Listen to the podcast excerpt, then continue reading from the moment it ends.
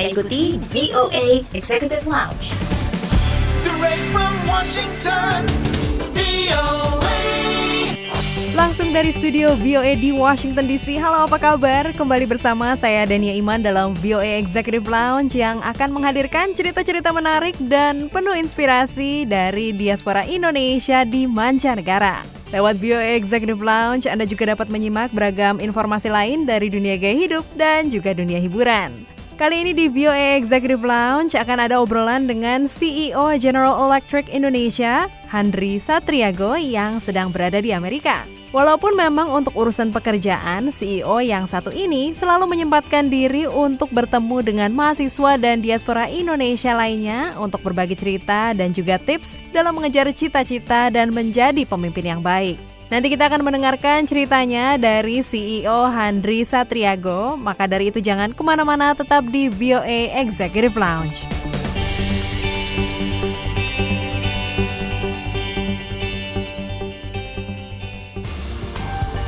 Dari Washington DC, inilah VOA Executive Lounge. Ingin tahu berita menarik, terkini, dan terpercaya? Ikuti kami di Instagram at VOA Indonesia.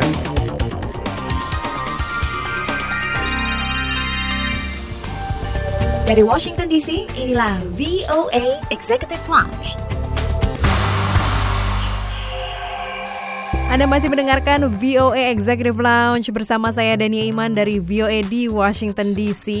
Belum lama ini mahasiswa dan diaspora Indonesia di Boston, Massachusetts mendapat kesempatan untuk bertemu dengan CEO General Electric Indonesia, Handri Satriago, yang tengah berada di sana. Lewat pertemuan tersebut, Handri Satriago banyak berbagi tips khususnya bagi mereka yang ingin menjadi pemimpin yang sukses. Nah, langsung aja kita simak obrolan saya bersama CEO Handri Satriago berikut ini. Pak Handri bisa bercerita sedikit dalam rangka apa sekarang sedang berada di Amerika? Kebetulan ada acara kantor, ada acara kantornya di kemudian ada beberapa meeting, kemudian saya juga diminta untuk speech di conference-nya Corporate Audit Staff di GE. Lalu pada saat yang bersamaan, teman-teman dari CONE, komunitas Indonesia yang di New England mengundang saya juga untuk speech di MIT sama student yang ada di Boston. Jadi selain acara kantor juga ada acara ketemu dengan teman-teman mahasiswa di sini. Apa saja yang waktu kemarin dibahas saat bertemu dengan diaspora Indonesia ini di di MIT? Basically I'm talking about you know how can we leverage the advantage yang dimiliki oleh teman-teman yang punya kesempatan sekolah di luar. Saya berusaha untuk mengajak teman-teman untuk berdiskusi mengenai the situation that we are facing today. Itu kan beda ya. Dan teman-teman yang bisa memiliki kesempatan sekolah di luar itu kita bisa leverage untuk memberikan kontribusi bagi pengembangan anak-anak muda yang ada nggak cuma di luar negeri tapi di Indonesia. Karena pada dasarnya kan the job of a leader adalah to create another leaders gitu. so if they can share the stories uh, what's going on in the world now, in the area where they are in, kemudian their thought, what can we do differently? Terus saya juga mencoba mengajak teman-teman untuk melihat bahwa kondisi Indonesia saat ini di peta global memang masih jauh dari level bisa berkompetisi secara global walaupun diprediksi ekonomi kita bakalan menjadi ekonomi yang nomor tujuh di dunia gitu. The job yang paling besar adalah talent. How can we create more competitive global talents? Itu sih pada dasarnya. Oke, oke. Bagaimana nih persaingannya dengan orang-orang yang ada di Indonesia sendiri? Maksudnya apakah benar mereka nantinya istilahnya bisa lebih berhasil atau bagaimana menurut Pak Andri? Enggak, saya nggak ngelihat dari sisi itu. Artinya begini, kalau kerja itu pada dasarnya adalah how can you be fit with the role yang ada. Tentu latar belakang pendidikan mempengaruhi. Tapi at the end of the day adalah bagaimana cara bekerja itu sendiri dan value ketika kita bekerja. Jadi saya merasa perjuangannya harusnya sama, level, level playing fieldnya sama. They can get the advantage, mungkin cara berpikir lebih maju, informasi lebih banyak. But if they cannot work dengan baik juga dan tidak mau menjalani proses untuk jatuh bangun, develop themselves, ceritaannya sih nggak akan berhasil juga gitu menurut saya. Iya, iya. Apakah perusahaan asing di Indonesia itu uh, istilahnya lebih memilih orang yang memiliki pendidikan dari luar negeri, Pak Henry? Nah, the world is not fair kan memang harus kita pahami itu. selalu ada preferensi. Jadi perusahaan Amerika mereka akan memulai untuk menyeleksi orang-orang yang lulusan dari Amerika. Perusahaan Jepang akan memiliki preferensi orang-orang yang lulusan dari Jepang. Begitu juga dengan Eropa. Tapi bukan berarti kemudian pintu bagi para lulusan yang dalam negeri eh, tertutup. At the end of the day adalah proses wawancara sih kalau menurut saya yang menentukan.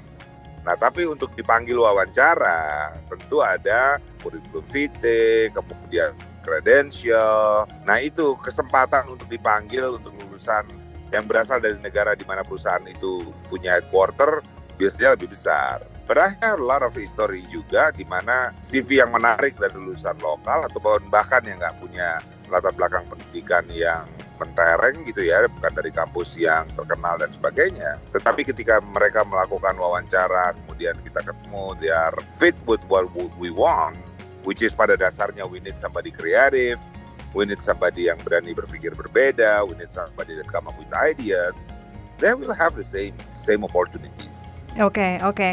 Dan apa pertanyaan-pertanyaan yang kemarin banyak ditanyakan oleh mahasiswa-mahasiswa Indonesia yang hadir di acara Pak Handri kemarin? Iya, yeah, interestingly, aku suka dengan diskusinya karena we are talking a lot about Indonesia gitu. Jadi nggak cuma mengenai kesempatan kerja ataupun mengenai where should I go atau cerita from hero to zero, from zero to hero gitu ya tetapi we talk about competitiveness, for example. We talk about kesehatan dan peralatan kesehatan di Indonesia. Betapa bahwa untuk mendapatkan kursi roda yang bagus saja di Indonesia, for example gitu, itu susah. Nah, ada teman-teman yang bekerja di Indonesia sendiri dan juga bekerja sama dengan teman-teman yang ada di eh, Amerika mencoba menjembatani hal tersebut.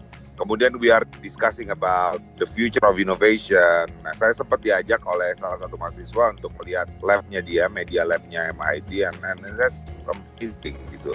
A lot of new things di sana yang memang kita belum nyampe ke situ. Jadi kita harus punya lebih banyak students yang datang ke sini belajar. Kalau saya sih sebenarnya kalau mereka nggak mau balik selama mereka membuat sesuatu, mereka menghasilkan leader-leader Indonesia yang baru di sini they become somebody that being known by the world, itu oke okay aja. Karena menyedihkan juga kalau mereka balik kemudian nggak mendapatkan pekerjaan sesuai dengan keahlian mereka. So being a global leaders mean they can be in Indonesia, serve the global market, atau they are outside Indonesia, they serve global market and contribute to the Indonesia talent development. I think sama-sama bagus ya. Pesimis nggak sih mereka untuk pulang ke Indonesia atau memang mereka pengen coba di sini dulu atau memang mereka ingin langsung pulang ke Indonesia untuk ikut membangun Indonesia? There is always a classic question about it. Saya sekolah, saya mengambil bidang ini. Kalau saya pulang, saya ngerjain apa? Itu selalu ada sesuatu pertanyaan. It's very normal pertanyaannya. I will do the same thing sebenarnya if I were on their feet gitu ya. Tapi dunia is totally different now. So saya nggak ngerasa bahwa kalau misalnya nggak pulang kemudian nggak bisa memberikan kontribusi buat Indonesia. Begitu juga sebaliknya, ketika pulang kemudian harus berhadapan dengan segala sesuatu yang susah itu, bukan berarti karirnya ataupun kesempatannya habis. I think, you know, if you believe you you wanna develop something, you wanna build something, you just go back, find a way. There is always a way. There is always a way. Yang jangan menurut saya adalah we feel already becomes very big because we have the chance to study outside Indonesia. Kemudian balik semuanya harus tersedia seperti apa yang diharapkan. No, no, we cannot create leader instantly. Leader itu has to go to all of the road yang susah, jatuh bangun, make mistakes, make failures, face the challenge. Those are process. Gitu. Jadi berpendidikan itu adalah satu step pertama. But another step yang sangat penting adalah melakukan perjuangan untuk hidupnya itu sendiri. Untuk mendevelop karirnya sendiri. Dari pengalaman pribadi Pak Handri, apa nih tantangan terbesar ketika berjuang hingga sekarang? I think priority ya. Number one itu how do you prioritize? A lot of people prioritize to become what they want people look at them. And that's why leadership divine as a kartu nama. You know, you will become a leader if you have kartu nama with title apa manager, general manager, director, whatever, CEO dan sebagainya. Which you know, yang saya rasakan juga ketika saya baru lulus kuliah, saya lulusan kuliah dalam negeri, tapi ketika lulus MBA itu saya ngerasa gitu. Leadership is about kartu nama ataupun posisi yang ada di struktur organisasi perusahaan. I was wrong. That's not it. At the end of the day, the ability to influence others. That's what we call as a leader.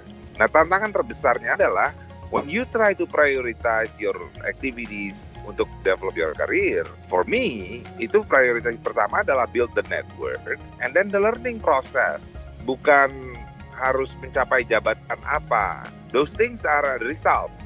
Nah kita sering kali terlena oleh hal itu, and and we are very easy to become robot karena menghadapi rutinitas yang ada, and then we are very easy to become pesimis karena merasa bahwa saya sudah dapat ini, punya ini, ini kok saya nggak dapat ya gitu untuk apa yang saya inginkan. Life must go on kalau menurut saya. Kalau misalnya passion yang dikejar itu tidak tercapai, ya lewat jalan memutar. You know, I believe passion is important, but that's not everything because you cannot pay the bills with passion.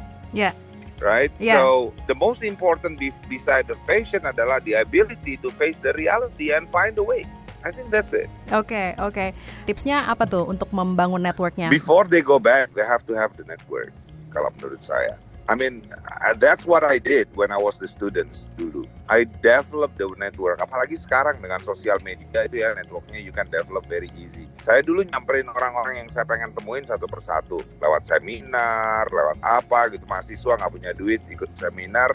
Triknya ada tuh biasanya kalau udah selesai pembicaraan keynote speaker dan sesudah break pertama habis itu bisa masuk aja gitu. Atau tungguin di luar atau kirim surat masih zaman saya sekarang main model Iya, iya. some of the current mahasiswa itu they do the connection with me. Jadi we don't meet, saya belum pernah ketemu tapi they saw me open in the social media. They contacted me. And then Okay. I always reply kalau kayak seperti itu dan I I feel Nah, tipsnya apa lagi nih Pak Handri eh, sebagai seorang leader? saya pernah nulis ya di Instagram saya mengenai bagaimana saya menjalani kehidupan 32 tahun ini dengan kursi roda. Ada tiga hal yang saya pelajari. Yang pertama, you need to fight. Everything itu nggak datang dengan mudah. Kalau datang dengan mudah, Anda harus cari yang lebih susah. So you need to fight. Fight for your life, fight for whatever that you want to do, fight for your career. Don't expect when you are good, have a good education and your boss will provide the career. No. It has to be didapatkan dengan struggling, dengan fight, dengan perjuangan yang tidak mudah. That's number one. Never give up on it. Number two, have friends. This is the world of collaboration nowadays. So how can we collaborate if we don't have friends? We have to accept diversity to have friends. Karena nggak mungkin kalau misalnya ini nggak sepaham, ini nggak sesuai dengan ini, I don't want to play with this group. Those things will make your own wall, and then you cannot go, you know, see how beautiful, how colorful the world is. Ayah saya mengajarkan dua hal ketika saya pertama mulai bekerja, and I keep it until now. Number one, never have an enemy. You can have opponents, but not enemies. And number two, treat everybody the same. If you give a very good smile to your boss, give the same good smile to your office boy. I think that will make you respected, and you will, you know, you can only be respected if you respect others. So that's number two, make friends. Number three, have fun. You know, that's it. Karena semakin kita pesimis, semakin kita punya banyak hal yang kita anggap nggak mungkin, nggak bisa, males dan sebagainya, we cannot go nowhere. We cannot anywhere. You know, I was a pessimist before because of my condition, and you know what I got? I got nothing. Pessimism is not an option. So with those three things, you know, we will okay. We'll be okay. Baik, Pak Handri, terima kasih sekali atas obrolannya kali ini. Sukses selalu untuk Anda. Thank you Dania, terima kasih juga.